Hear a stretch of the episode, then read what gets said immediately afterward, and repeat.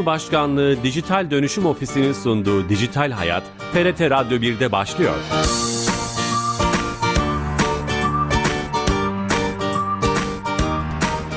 Herkese merhaba, ben Bilal Eren. Teknoloji ve dijitalleşmenin hayatlarımıza etkilerini ele aldığımız Dijital Hayat programımıza hoş geldiniz. Her cuma saat 15.30'da TRT İstanbul Radyo stüdyolarından kulaklarınıza misafir olmaya devam ediyoruz. Ancak bugün Havacılık Uzay ve Teknoloji Festivali Teknofest'ten canlı yayındayız. Çok değerli bir konuğumuz var. Sanayi ve Teknoloji Bakan Yardımcımız Mehmet Fatih Kaçır. Hoş geldiniz Sayın Bakanım. Sizler de Teknofest'e hoş geldiniz Bilal Bey. Bu yayın Teknofest'ten artık sizinle bir klasiğimiz oldu. Evet, e, çok bundan şeref duyuyoruz. Ne mutlu bize.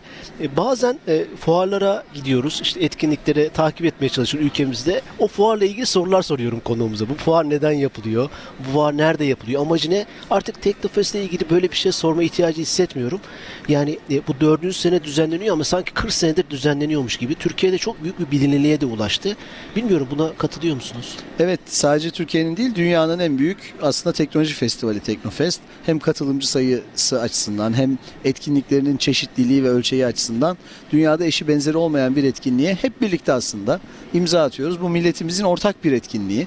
Ee, bütün teknoloji sevdalılarının, milli teknoloji hamlesi yolcularının buluştuğu bir platforma dönüştü. Sizin de ifade ettiğiniz gibi sadece bizler değil adeta 7'den 77'ye herkes Teknofest'te neler olup bittiğini takip ediyor, biliyor. Teknofest'in neden yapıldığını, hedeflerini e, biliyor. Dolayısıyla biz de aslında bunun başlı başına Teknofest'in ilk yıllardaki amaçlarına eriştiğini gösterdiğini düşünüyoruz. Evet. Ee, sizin tabii bu hem Teknofest'te hem vakıfta bakanlığınız önce de çok büyük emeğiniz var. Onu ben yakinen biliyorum. O yüzden hani o süreçleri çok iyi biliyorsunuzdur. Bu e, e, Teknofest'in e, özellikle yıl içindeki böyle teknoloji motivasyonu haftası gibi bir şey oldu. Hani yerli ve milli haftası olur. İşte ağaçlar veya çevreyle ilgili bir hafta olur. Yani Teknofest öyle bir e, e, algısı var. Çok güzel bir algı. E, bilmiyorum bu yorumlarıma katılır mısınız? Evet yani e, biz tabii Teknofest'i tam Eylül ayının e, işte bu haftasında gerçekleştiriyoruz. Bu haftayı e, ilk yıldan itibaren çok bilinçli şekilde seçtik. E, okulların açılmış olmasını istedik. E, çünkü okul gruplarının buraya gelmesini çok önemsiyoruz.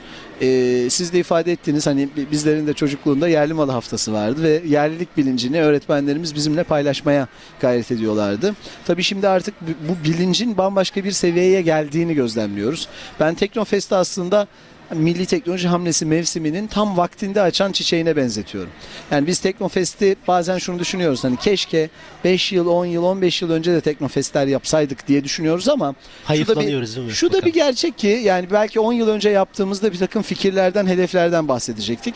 Bugün sadece fikirlerden, hedeflerden, hayallerden değil, gerçeklerden, gerçekleşmiş projelerden, somut başarı hikayelerinden bahsetmemiz, bu başarı hikayelerini gencecik misafirlerimize, öğrencilerimize, çocuklarımıza sunma imkanımız var. Dolayısıyla okulların hemen açıldığı haftalarda bunu gerçekleştirmemiz, akın akın öğrencilerimizin burada bizimle olması aslında bence eğitim yılına da damgasını vuruyor. Ben buraya gelen bir çocuğun hafızasından burada gördüklerinin, deneyimlediklerinin e, yit- yiteceğini e, hiç tahmin etmiyorum. Çünkü burada onlarla sohbet ediyoruz. Ne kadar büyük bir etki oluşturduğunu kendileri çok özgün ifadelerle anlatıyorlar. Ve Milli Teknoloji Hamlesi aşısı adeta çok e, dalga dalga topluma yayılmış oluyor. Biz e, büyük bir memnuniyet duyuyoruz. Gerçekten e, bu, bu bilincin e, bu, bu kadar sahiplenilmesi yani 7'den 77'ye burada hani torununun başarılarıyla gurur duymak üzere buraya gelen dedelerimiz ninelerimiz de var. E, öğrencilerini toplayıp heyecanla buraya gelip e, adeta eğitimin özünü onlarla paylaşmaya çalışan öğretmenlerimiz var. E, anne babalar çocuklarının elinden tutup buraya getiriyorlar. Uçaklara dokunduruyorlar, uçaklara bindiriyorlar. Ya az önce yani rastgele alanda gezerken işte Gökbey helikopterine e, baktım gençler de e, orada bekliyorlardı. Hadi beraber binelim dedim hani e, sabit e, sergide. Bindik oturduk sohbet ettik. Yani e, içeride 10 kişiydik. 7'si uzay ve havacılık alanında mühendis olmak istediğini söylüyor. Yani Çok bu güzel. müthiş bir dalga ve geleceğin teknolojilerine yönlenmiş oluyor herkes. O etkisini alıyor değil mi Sayın Bakan? Ben tabii bunun etkilerini burada söyleyebiliriz. Aslında bu üniversite tercihlerinde görmeye başladık artık. Yani ben gelecekte bunun geriye dönüp e, yapılan analizlerde hani bir Teknofest etkisi olarak da literatüre geçeceğini tahmin ediyorum. E, özellikle son yıllarda uzay, havacılık, yazılım, bilgisayar mühendisliği falan gibi bölümlere ilgi giderek arttı. E, ve bu, bunun da devam Ama edeceğini düşünüyorum ben. biri değil. Bu değil miydi zaten Teknofest? E, evet İlk yani başta yola çıkarken hatırlıyorum. Aynen ifade ettiğiniz gibi yani bu insana dokunmak, geleceğin insan kaynağını, Türkiye'nin beşeri sermayesini ortaya çıkarmak, geliştirmek, yetiştirmek ve onları e, Türkiye'nin milli teknoloji hamlesi projelerine yönlendirmek e, Teknofest'in en temel hedeflerinden biriydi. Ben şöyle şunu düşündüm. Şimdi bu burayı aslında böyle milli teknoloji haftası havasına getiren şeylerden bir tanesi ürünlerimiz var. Sadece yurt dışından yapılmış ürünler olsaydı standlar birinci ikinci sene medyanın da şeyiyle bu iş tutabilirdi. Ama sonra sanki bu etki azaltırdı. Bizim ürünlerimiz var. Yani işte mesela ben dün bir şey e, fark ettim. Bir gösteride e, onu gördüm. İnsanlı hava araçlarımız da insansız hava araçlarımız gökteydi. İşte Akıncı TB2 Aksüt değil mi? Ak, Aksu- Aksungur. A- Aksungur. Öbür tarafta Hürkuş vardı. Atak vardı. Şunu düşündüm ya bunlar bizim ülkemizde yapılan ve, ve gösteri yapıyoruz. Hani F-16, F-35 bilmem başka bir ürünle yapmıyoruz. Bu herhalde bu kendi ürünümüzün olması bu coşkuyu ya biz yapabiliyoruz bunu dedirtiyor mu? E, elbette öyle. O gösterinin güzel de bir ismi var. Milli Kanatlar. Milli kanatlar. Evet ve dünyada ilk kez insansız hava araçlarıyla insanlı sistemler, helikopterler, uçaklar bir arada gösteri yapıyor. Çok da özgün bir gösteri o anlamda da. Siz de ifade ettiniz. Kendi sınıfında dünyanın en iyisi insansız hava araçlarımızı, işte milli helikopterlerimiz Atak'la Gökbey'le e, ve aynı zamanda milli e, eğitim uçağımız Hürkuş'la eş zamanlı olarak gökyüzünde seyrediyoruz burada. Tabii e, işin doğrusu e, bizim için başlı başına bir hedef de ortaya koyuyor Teknofest. Yani biz de Sanayi ve Teknoloji Bakanlığı olarak, Türkiye Teknoloji Takımı Vakfı olarak bir sonraki Teknofest'te Türkiye'nin hangi yeni milli teknoloji hamlesi ürünlerini Neyi toplumla paylaşmalıyız diye bir ödev aslında hissediyoruz. Sorumluluk hissediyoruz. İşte bu yılın ilkleri e, Akıncı'nın aslında topluma açık ilk gösteri uçuşu yapması oldu. 2019'da Akıncı vardı burada. E, gelmişti Tırla prototipi. getirilmişti ama. Prototipi gelmişti. Evet burada ilk kez Uçtu uçuş gösterisi yaptı. E, işte Gökbey ilk kez bir uçuş gösterisi gerçekleştirdi ki adım adım artık Gökbey'in de olgunlaşma e, süreci tamamlanmış olacak. Türkiye'nin otomobili burada toplumla açılıştan sonra ilk kez buluşmuş oldu. O projenin de e, serencamını ve teknolojik tarafını toplumumuzla paylaşıyoruz burada ilk kez. E, tabii Türkiye'nin otomobili her ne kadar biz ona otomobil desek de artık adeta akıllı Başka bir şey. bilgisayar. E, dolayısıyla bir otomobil fuarından çok bir teknoloji festivalinde olmasını da ben çok anlamlı görüyorum. E, yani her yıl işte dikey iniş kalkış yapacak olan insansız hava aracı DİHA e, Bay, Baykar standında ilk kez perdesi açıldı ve toplumla paylaşıldı. Yani bunlar böyle bir çırpıda aklıma gelenler ama buraya katılan bütün paydaşlarımız aslında bu ödevi hissediyor. Yani bir şey sergilememiz. biz şimdi bu, bu Teknofest bitecek. Ben 2022'nin Teknofest'ine hangi milli ürünümü yetiştireceğim ve toplumla buluşturacağım. Burası bir vitrin gibi aynı E, zamanda. evet öyle. E, evet. Milli Teknoloji Hamlesi'nin vitrini burası, platformu. Dolayısıyla e, sizin de ifade ettiğiniz gibi yani havacılık gösterileri de elbette etkileyici.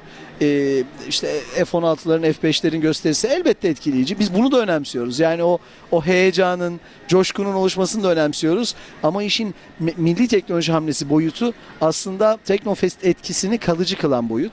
Burada be- ben e, 7-8 yaşında çocukların böyle Türkiye'nin otomobiline bakarken e, yanlarına gidip sorduğumda yani bu, bu aracın özelliği ne dediğimde yerli ve milli olması diye cevap alıyorum önce. Çok Şimdi bu o kadar önemli. Niçin önemli diyorum? E çünkü bize ait diyor. Bizim bizim mühendislerimiz yapıyor diyor. Yani e, ben de bu projelerde çalışmak istiyorum diyor. Şimdi bu duyguyu kazandırmamız kalıcı etki. Dolayısıyla e, iyi gidiyoruz. Gerçekten Türkiye iyi gidiyor, doğru yolda gidiyor ve inşallah bu ektiğimiz tohumların meyvelerini 5-10 sene sonra böyle çok gürleşmiş e, fidanlar şeklinde görmüş olacağız. İnşallah inşallah bu ara yeni, ye- bu arada yeni katılan dinleyicilerimiz var. Dijital Hayat'ta Sanayi ve Teknoloji Bakan Yardımcısı Sayın Fatih Kaçır'la beraberiz. Sonuçlarını soracağım ama buradaki atmosferi de aktarmaya çalışıyorum. Mesela bazı rakamlar var.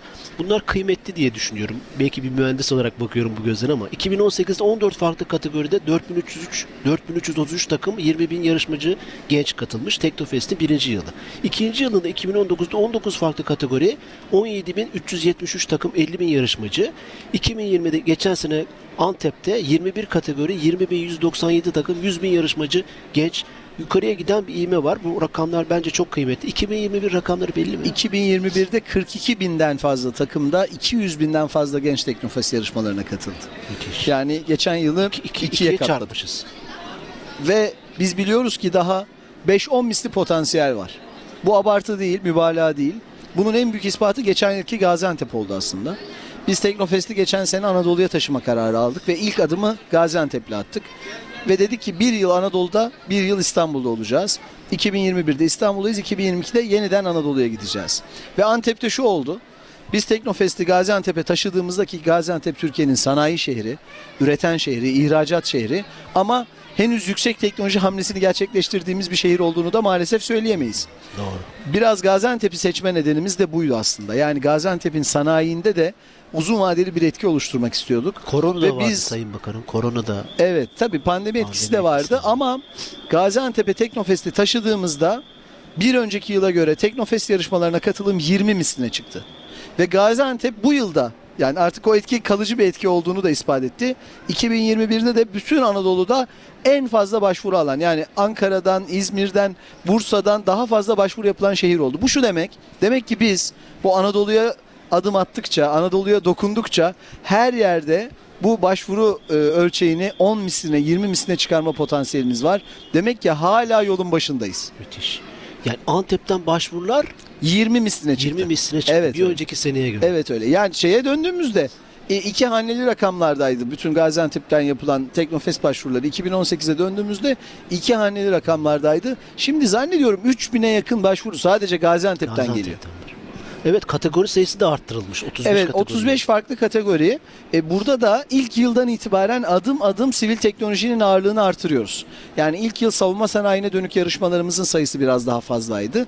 Ama şimdi 35 farklı yarışmanın pek çoğu sivil alanlara dönük. Burada eğitim teknolojilerine dönük yarışmamız var. Biyoteknoloji inovasyon yarışmamız var. E, insansız sualtı sistemleri İletişim yarışmamız var. İletişim teknolojileri yarışmamız var. Akıllı ulaşım çevre ve enerji teknolojileri yarışmalarımız var. Sağlıkta yapay zeka yarışmamız var. Yani e, artık Teknofest yarışmalarının çok büyük bir kısmı sivil teknoloji alanlarında. Bunu da açıkçası çok önemli görüyoruz. Çünkü aslında milli teknoloji hamlesinin stratejik amaçlarından biri Türkiye'nin savunma sanayinde elde ettiği başarının sivil alanlara çoklanması çarpan etkisiyle yaygınlaştırılması. Bunu da başarabileceğimizi düşünüyoruz. Yani savunma sanayi dünyanın e, aslında teknoloji tarihine baktığımızda pek çok teknolojinin doğu- doğurgan unsuru aslında. E, işte internetten bahsettiğimizde, GPS'ten bahsettiğimizde, kişisel bilgisayarlardan bahsettiğimizde bütün bunların aslında savunma alanındaki e, yapılan e, işlerin Argelerden. neticesi olduğunu görüyoruz. Türkiye'de de savunma sanayinde elde ettiğimiz birikimi biz diğer alanlara transfer etmek istiyoruz. Yani bizim e, buradan hani e, o örneği de vermemizde bir beis yok. Şimdi Türkiye'nin otomobili projesini araştırma e, ekibine baktığımızda önemli bir kısmının savunma sanayinde yetişen mühendisler olduğunu görüyoruz. İnsan Bu- kaynağı. Tabii yani biz özgün bir tasarım ortaya koyuyoruz. Mühendislik konusunda bir araştırma geliştirme faaliyeti yürütüyoruz Türkiye'nin otomobili projesinde. O insan kaynağını biz savunma sanayindeki birikimli e, ekiplerden transfer ediyoruz. Şimdi e, bütün bunlar aslında savunma sanayinde nasıl dünyada artık e, başa oynuyoruz. Kendi sınıfında dünyanın en iyisi ürünler ortaya çıkarmaya başladık. Sivil alanlarda da Türkiye'nin bu potansiyeline bu potansiyele sahip olduğunu da ispat ediyor. Ve sivil alanlarda Türkiye bunu başarmaya başladığında inşallah ki bunun tekrar ifade ediyorum. Çok uzun değil. 5-10 yıl içerisinde inşallah gerçekleştiğini hep birlikte göreceğiz. O vakit işte bizim kişi başına milli gelirimiz 25 bin dolarlara 50 bin dolarlara çıkmaya başlayacak. O vakit şimdi sayısı 5 olan milyar dolar değeri açan tek- aşan teknoloji girişimlerimizin sayısı 10'a 20'ye 50'ye çıkıyor olacak. Ve Türkiye gerçekten yepyeni bir başarı hikayesini ortaya O koyacak. zaman bambaşka bir ülkeye doğmak demek yani. bu işte. Adım adım adım adım gerçekleşiyor. Aynen aynen. Şehit insan kaynağı demişken e, bu geleceğin teknolojilerini sergiliyoruz burada veya hedeflerimizi ona doğru koşuyoruz. Bu koşmak için de insan kaynağı lazım. Teknofest'in insan kaynağı biraz önce örneklerini verdiniz ama bu açıdan da faydada olduğunu hani üniversite sınavında seçi- seçimlerin değişmesi vesaire. Bunu da görüyor musunuz? Analiz Elbette görüyoruz. Şimdi onu artık çok daha somut olarak da görüyoruz. Biz Teknofest'te yarışmalara katılan gençlerimizin çok önemli bir kısmı e, bizim paydaşlarımızda ki biliyorsunuz 70'e yakın paydaşı var Teknofest'in. Bunların içinde Türkiye'nin en büyük teknoloji şirketleri var, araştırma geliştirme kurumları var, enstitüleri var. Buralarda staj yapıyorlar, işe giriyorlar. Yani bizim şu anda e, Roketsan ve TÜBİTAK SAGE'nin en e, önemli insan kaynağı havuzu Teknofest roket yarışmaları. Çünkü bunlar hem ileri mühendislik deneyimine sahip e, öğrenciler hem de pratize etmiş. Yani teorik bilgiyi pratize etmiş, eli rokete değmiş öğrenciler tabiri caizse. Dolayısıyla önce staj programlarına daha sonra da işe alım süreçlerine dahil oluyorlar. Buradaki bütün paydaşlarımız özellikle bu yıl dikkat ettim buna. Şimdi tabii 3 4. yılına geldik. İlk 3 yılda şu görülmeye başladı.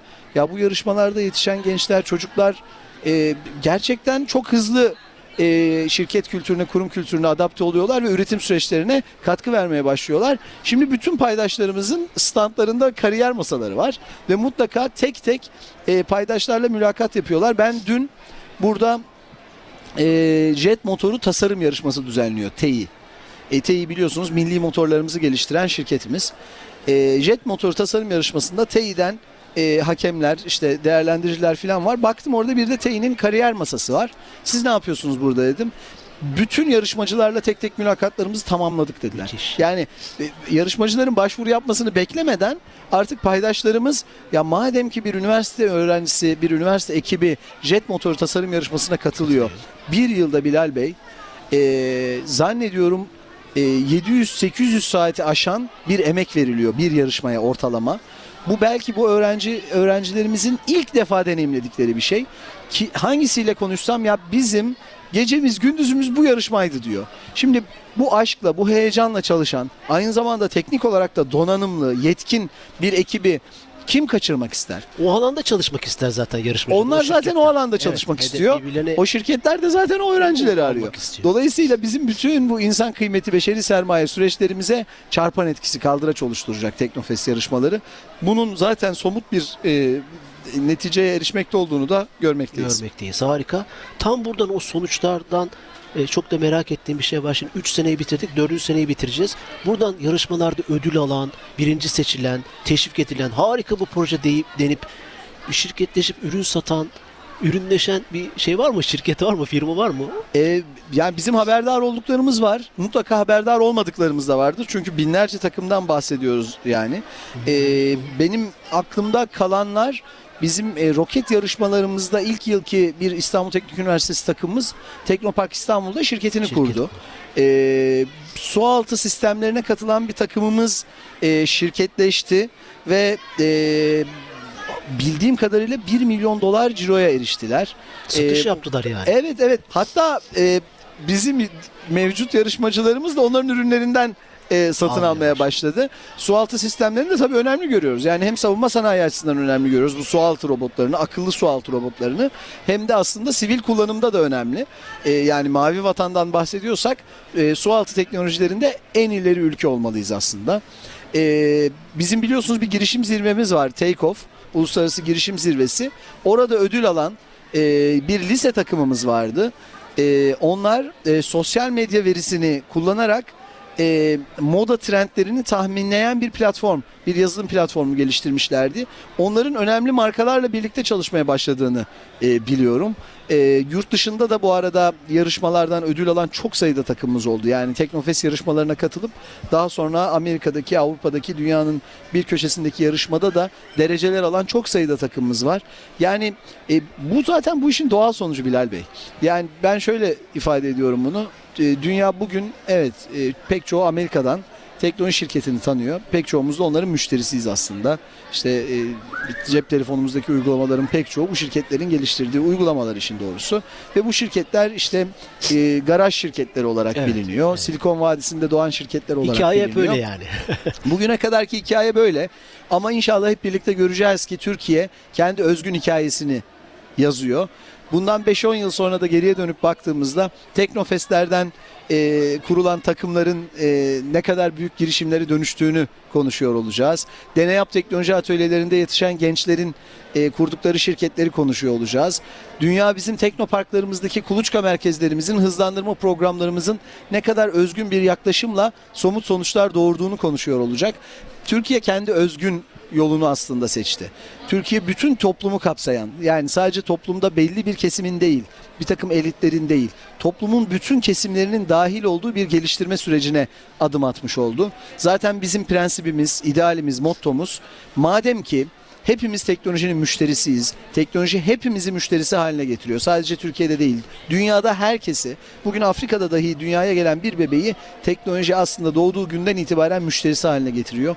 O vakit teknoloji geliştirme imkanları herkese açık olmalı, herkese sunulmalı. Ve dünyada biz nasıl ki bir toplumun gelişmişliğini okur yazarlık oranıyla, eğitime erişim oranıyla ölçmeye gayret ediyorsak, dünya sistemi bugünün dünyasında teknoloji geliştirme imkanlarına e, kimlerin toplumun ne kadarının dahil olduğunu da ölçmeli ve hangi toplumun ne kadar gelişmiş olduğunu öyle karar vermeliyiz. Yani asimetrik şekilde sadece toplumun bir kesiminin geliştirdiği ve dünyaya sattığı böylece de olağanüstü olağanüstü zenginleştiği bir e, sistem sürdürülebilir değil. Yani e, şu anda e, Çok Pek çok- bir tarz. pek çok- elitlerin olmadığı bir Gel, gel şu bir gerçek. Gerçekten devasa teknoloji tekelleri var bugünün dünyasında ve e, aslında bu tekeller artık e, herhangi bir hukuka da tabi olmama kendi hukuklarını yaratıyor. Neredeyse öyle. Şimdi bunu da önemli bir mesele olarak görüyoruz ve bu küresel tekellere de milli teknoloji hamlesinin bir itiraz olduğunu da vurguluyoruz. Bir şey daha söylemek istiyorum ben. Ee, bilmiyorum özel sohbetlerde bunu söylüyorum ama canlı yayında burada da söylemek istiyorum. Teknofest hem sizin planlamanız hem sizin burada emeğiniz, e, bu işi emek verenlerin, vakfın e, şeyi de var burada. E, topluma bunu anlatış biçim var. Teknofest siyaset üstü de bir şey oldu. Yani Türkiye'de birçok konu e, siyasi kavgalar de- nedeniyle ülkemizdeki e, gölgede bırakılıyor ama Teknofest tamamen her şeyin üstünde herkesin hani toplumun her kesimini kucak açtığı bir şey oldu. Ben hani bunu buradan açık şekilde söylemek istiyorum. E, bu, bu anlamda da size teşekkür ediyorum. Yani ben kendi yorumumu yapmak istedim program içinde. Yani e, biz böyle olmasını da arzu ediyoruz. Yani milli başardık, teknoloji hamlesi, yani. Türkiye'nin geleceğine dair, çocuklarımıza dair yaptığımız işler toplumun bütün kesimlerinin bu ülkeyi, bu e, ay yıldızlı bayrağını seven herkesin gurur duyacağı işler olmalı. Ama şunun da farkında olmalıyız ki e, bütün bu işlerin arkasında güçlü bir irade olmasa, devletin güçlü desteği olmasa bu işleri başarmamız mümkün değil. Ve bu işlerin devam etmesi için de toplumsal sahiplenmeyi sürdürmemiz lazım.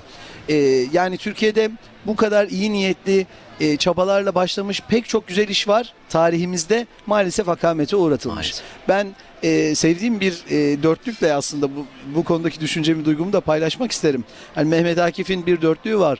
Diyor ki hadi gel yıkalım şu Süleymaniye'yi desen iki kazma iki kürek iki de ırgat gerek. Ancak hadi gel yapalım şunu geri desen bir Sinan bir de Süleyman gerek. Yani yıkmak kolay yapmak zor. Dolayısıyla yapılana sahip çıkmalıyız. Yapılanın arkasında durmalıyız. Bu işleri adım adım daha ileriye götürmenin şucu bucu demeden hepimizin ortak geleceğine hizmet olduğunun farkında olmalıyız. Ve bu işleri yapan insanların, yapacak gençlerin önünü açmalıyız. Önlerindeki engelleri kaldırmalıyız. Bu hepimizin ortak geleceği. Bu, bu ülke hepimizin ve inşallah bu ülkeyi geleceğe hep birlikte taşıyacağız. Evet yani bu 4 senedeki başarının 10 senelik başarı gibi gözükmesinde belki e, hani uzun yolu kısa kısaltan bir şey olabilir bu söylediğiniz yani o yüzden çok kıymetli. Bir şey soracağım. Aziz Sancar'ın geleceğini öğrendik. Bu senin onur konu Aziz Sancar olabilir mi? Yani sen Nobel ödüllü bilim adamımız. Evet yani Aziz hocamız e, tabii Aziz Hoca yani Türkiye'nin her yerinde Anadolu toprağının Anadolu coğrafyasının her yerinde gençlerimize çocuklarımıza ilham kaynağı olan bir hocamız. Elde ettiği bilimsel başarının Nobel ödülüyle e, taçlandırılmış olması da tabii e, çok çok değerli. E, dün biz Aziz hocamızla TÜBİTAK Fen Lisesi'ndeydik. Biliyorsunuz TÜBİTAK Fen geldik Lisesi'ni şu an kurduk. Türkiye'de yani kendisi. Türkiye'ye Teknofest için geldi. Süper. E, ayağının tozuyla da TÜBİTAK Fen Lisesi'ne geldi ve geleceğin Aziz Sancarları'yla orada buluştu. Bugün de inşallah öğleden sonra Teknofest'te olacak yani bu saatlerde şu anda e, Teknofest alanında ve e, burada da tüm yarışmalarımızda geleceğin Aziz Sancar olmanın hayalini kuran gençlerimizle birlikte. Harika. Ee, o zaman e, Teknofest devam ediyor. 21-26 Eylül pazar günü ne kadar devam edecek? 18'e kadar sanırım. Saat 18'e kadar. Herkesi buraya bekliyoruz gelebilen. Biz Ee, 7'den 77'ye herkesi Teknofest'te bekliyoruz. Çok teşekkürler. Sanayi ve Teknoloji Bakan Yardımcısı Sayın Fatih Kaçır'la beraberdik. Bakanım hoş geldiniz, şeref verdiniz. Bu acayip tempo içinde heyecanınıza bize e, şey verdiniz, renk verdiniz. Çok teşekkür ederiz. Ben teşekkür ederim. Görüşmek üzere. Sağ olun olsun. TRT'nin de çok güzel bir standı var burada. Buraya da herkese tavsiye ediyoruz. Haftaya yeni bir konu ve konukla beraber olacağız. İyi hafta sonları. Hoşçakalın.